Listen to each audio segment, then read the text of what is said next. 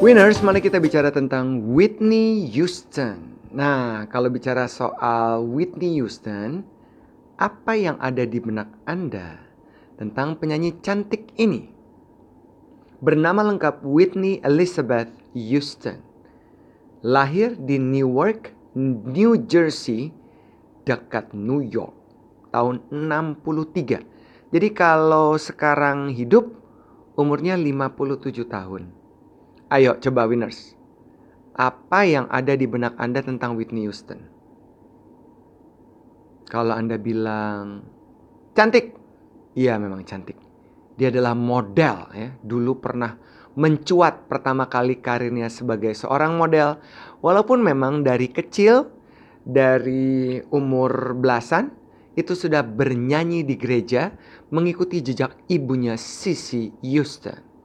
Atau Anda bilang suaranya merdu banget. Yes, salah satu penyanyi dengan suara yang indah di dunia. Bahkan tidak ada satupun penyanyi yang bisa menyerupai suara tinggi dan indah seorang Whitney Houston. Bahkan winners, Whitney Houston ini adalah the most awarded female artist of all time versi Guinness World Records dan sudah menjual bukan jutaan tapi 200 juta album di seluruh dunia. Nah tadi ya cantik kesan yang muncul. Suara indah nggak heran 200 juta album sudah terjual. Atau Anda bilang tragis. Tiga-tiganya benar. Bagaimana kecantikannya, keindahan suaranya, dan juga kematian yang sangat tragis. Winners, saya sebenarnya tidak ngefans sama Whitney Houston. Tapi saya hidup di era tersebut. Di mana karir gemilangnya muncul mencuat semenjak tahun akhir tahun 80-an, 90-an, bahkan sampai tahun 2000. Dan yang menarik kalau Anda berlangganan Netflix, Anda bisa lihat biografi tentang seorang Whitney Houston. Kata terakhir tentang seorang Whitney Houston yaitu tragis, itulah yang dapat Anda tangkap dari film yang dihadirkan. Nah, saya akan menyampaikan kesan-kesan saya sudah dua kali menonton biografi cerita tentang perjalanan karir seorang Whitney Houston. Tapi sebelum itu winners, kita dengarkan dulu ya suara indahnya si cantik ini.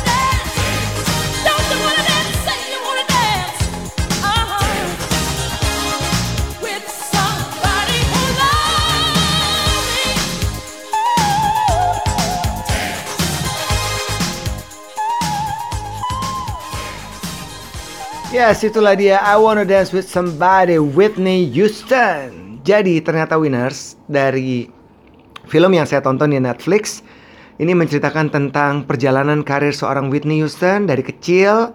Kemudian sang ibu memberikan pengaruh besar. Ternyata si ibu Sissy Houston ini tidak pernah menjadi seorang penyanyi kondang seperti yang ia inginkan. Jadi sang ibu ini suaranya bagus, tentulah ya. Terus tantenya Whitney Houston itu adalah Dionne Warwick. Itu juga penyanyi lawas, super lawas dan suaranya empuk banget.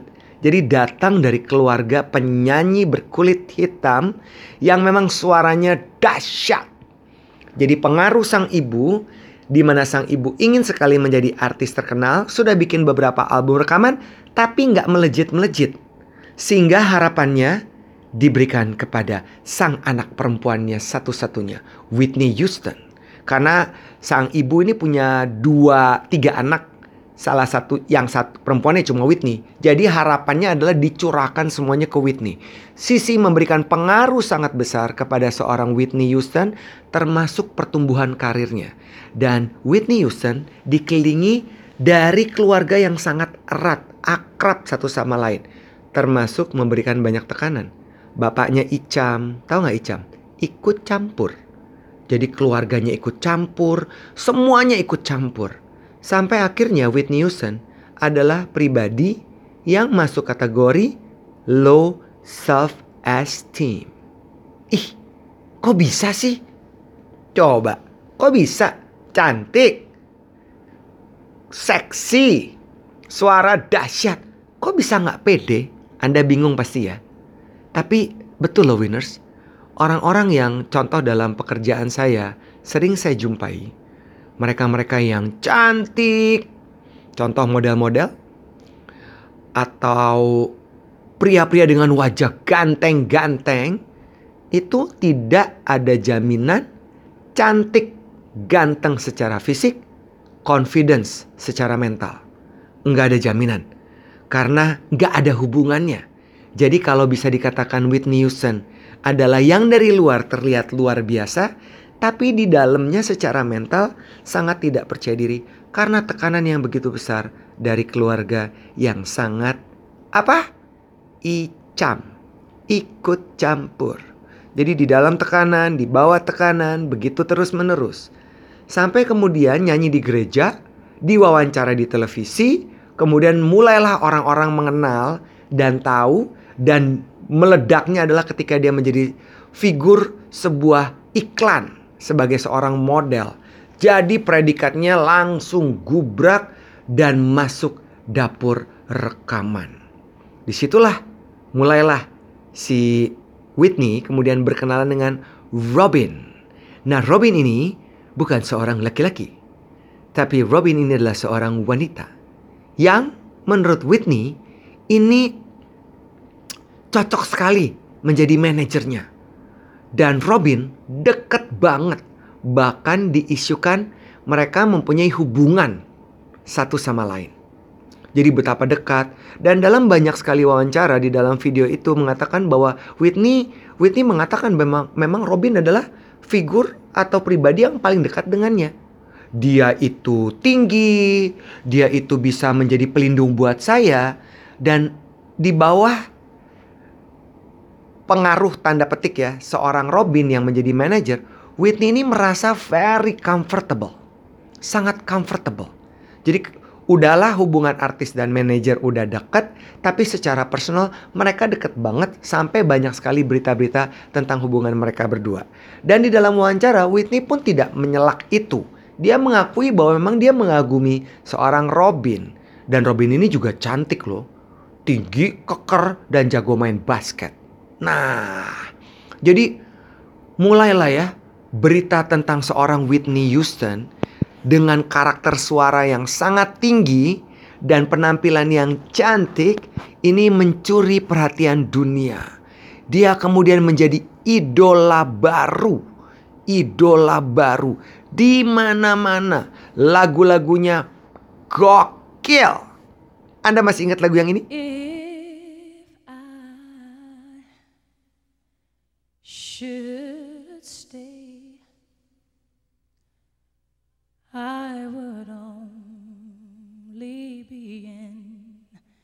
your way, so I'll go. But I know I'll think of you every step of the way.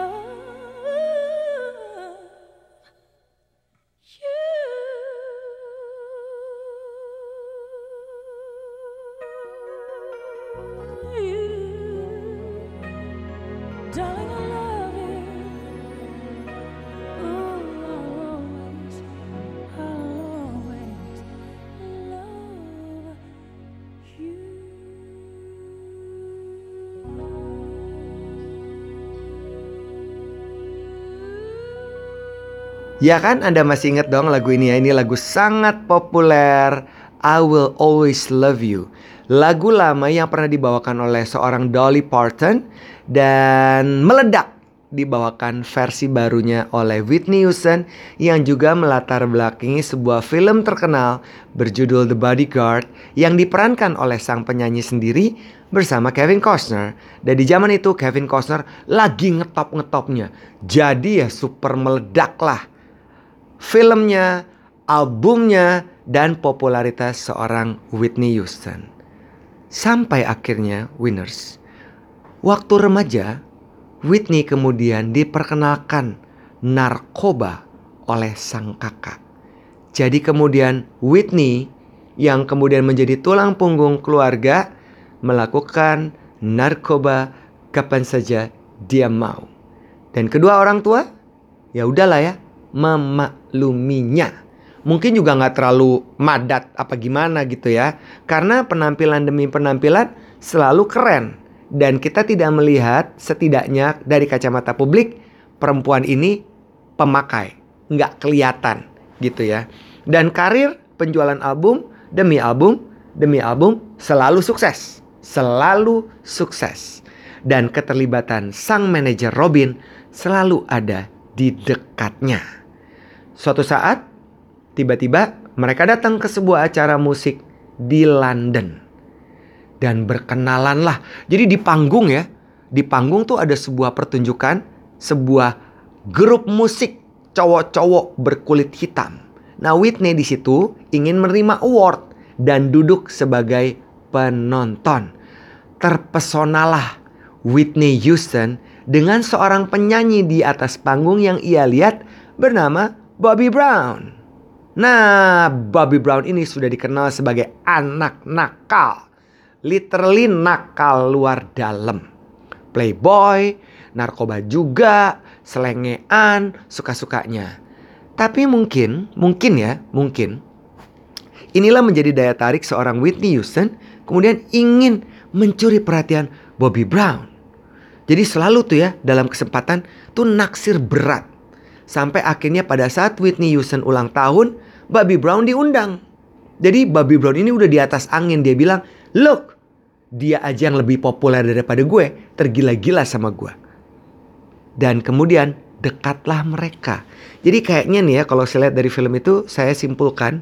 Memang sebenarnya Bobby Brown tuh gak suka sama Whitney. Whitney aja yang ngejar-ngejar. Dan ini membuat kemudian menjadi manajernya si Robin yang juga teman deket banget bahkan bisa dibilang si pacarnya Whitney mulai kesel. Dan Bobby Brown kemudian mulai menginterfere hubungan manajer dengan sang penyanyi.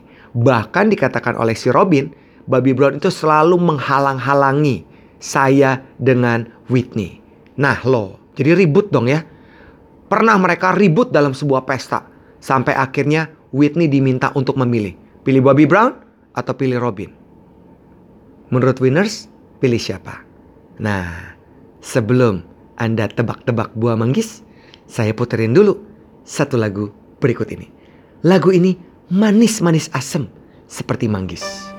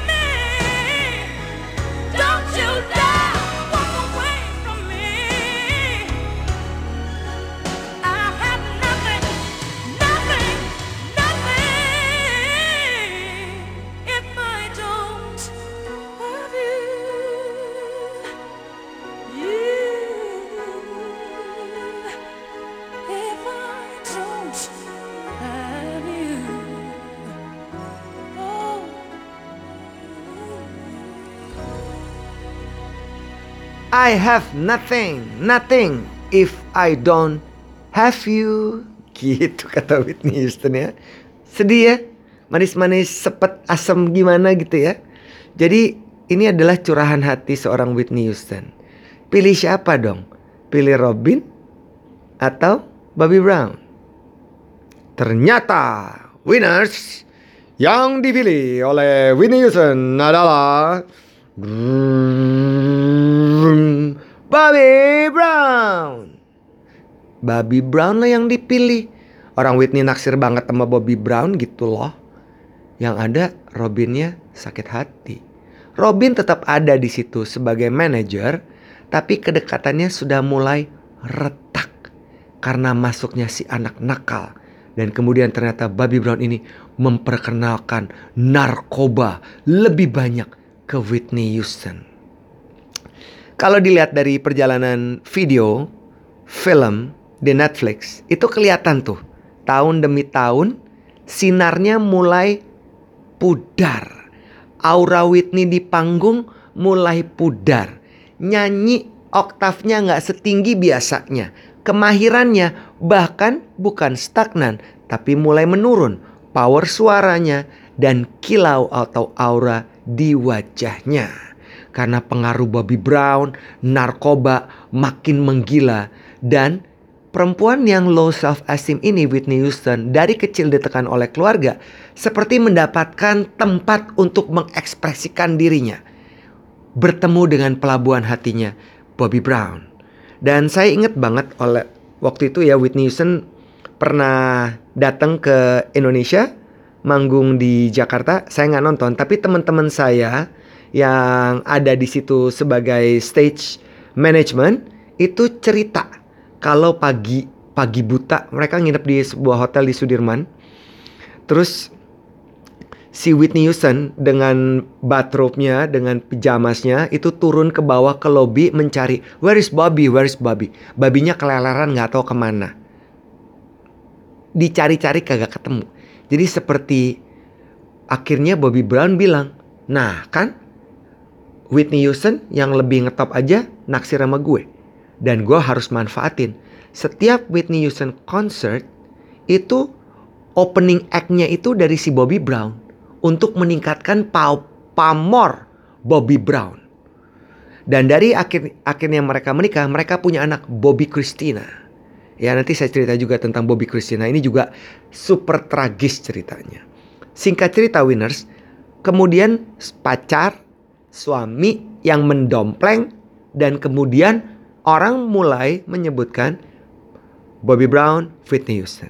Whitney Houston, Bobby Brown. Jadi Bobby Brown ini naik pamor dan semakin merajalela. Dan hubungan kemudian pecah, ribut, berantem lagi, baikan lagi. Jadi kayak kucing sama anjing. It's like love and hate relationship. Perhaps like this song.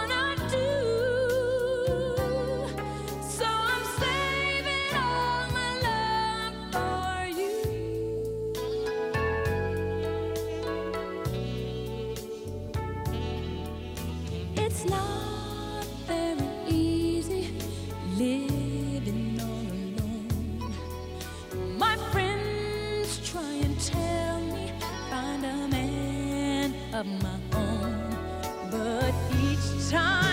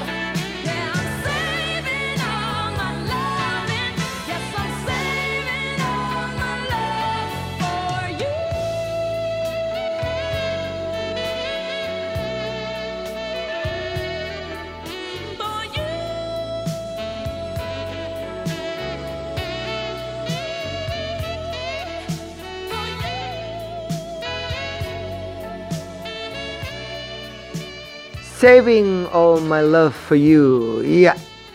Menyimpan semuanya cintaku untuk kamu, tapi apakah kamu mencintai saya? Apakah kamu melakukan hal-hal yang baik untuk saya? Did you treat me right? Apakah do you care about me? Atau you just take advantage on me? Itulah yang selalu berkecamuk di perasaan sang diva. Karir lama-lama mulai meredup. Dan akhirnya sampailah Whitney Houston di posisi tak punya uang. Gak punya uang, kebayang gak sih? Yang duitnya banyak banget, gak punya uang. Karena gaya hidup, spending sana, spending sini. Dan juga kalau Amerika itu kan persaingannya ketat sekali ya. Meleng dikit, nggak bikin album sedikit, penyanyi baru muncul. Dan lebih hore lagi, dan lebih murah, dan lebih berani. Jadi akhirnya di satu masa mulailah karirnya makin menurun. Sejalan dengan kualitas suara yang makin tidak powerful winners. Ya, powerful. Semakin tidak powerful. Aduh, sedih banget ya.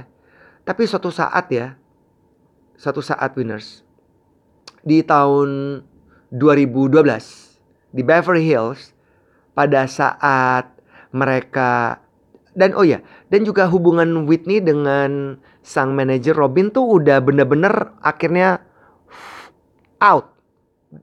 Robin udah nggak ada lagi dalam kehidupannya Whitney karena semua udah di take over oleh Bobby Brown gitu ya. Dan beberapa kali dalam aksi panggung di era tahun 2000-an itu anaknya Bobby Christina udah mulai tampil-tampil bareng sama ibu nyanyi. Cuma memang udah kelihatan ya di dalam film yang saya tonton. Itu power dan cahayanya Whitney itu udah makin meredup. Dan Bobby Christina kemudian menjadi menyusul sang ibu menjadi seorang penyanyi. Sayang nasibnya tidak seberuntung sang ibu dan suaranya juga tidak sebagus sang ibu dan parasnya dan laknya tidak sebagus sang ibu. Dan pada saat sang ibu sudah mulai turun kemudian akan ada kesempatan baru untuk seorang Whitney Houston comeback kembali di kancah musik internasional. Dan di bulan Februari tanggal 11 Februari pada saat setelah rehearsal dan ini masih mabok terus nih perempuan. Maboknya tuh udah gila-gilaan, udah kacau banget. Winners kayaknya mesti nonton deh di Netflix ya. Jadi lo bisa bayangin apa yang gue omongin nih. Tapi nanti jadi itu ya. Spoiler ya. Ya elah, udah kadung kali. udah kadung, udah dengerin. Udah dengerin podcast saya, udah tahu ceritanya. Tapi kan kalau Anda tidak melihat langsung berbeda ya. Karena banyak sekali di dalam film dokumenter ini cut-cut lagu-lagu dari Whitney nyanyi di usia masih belia.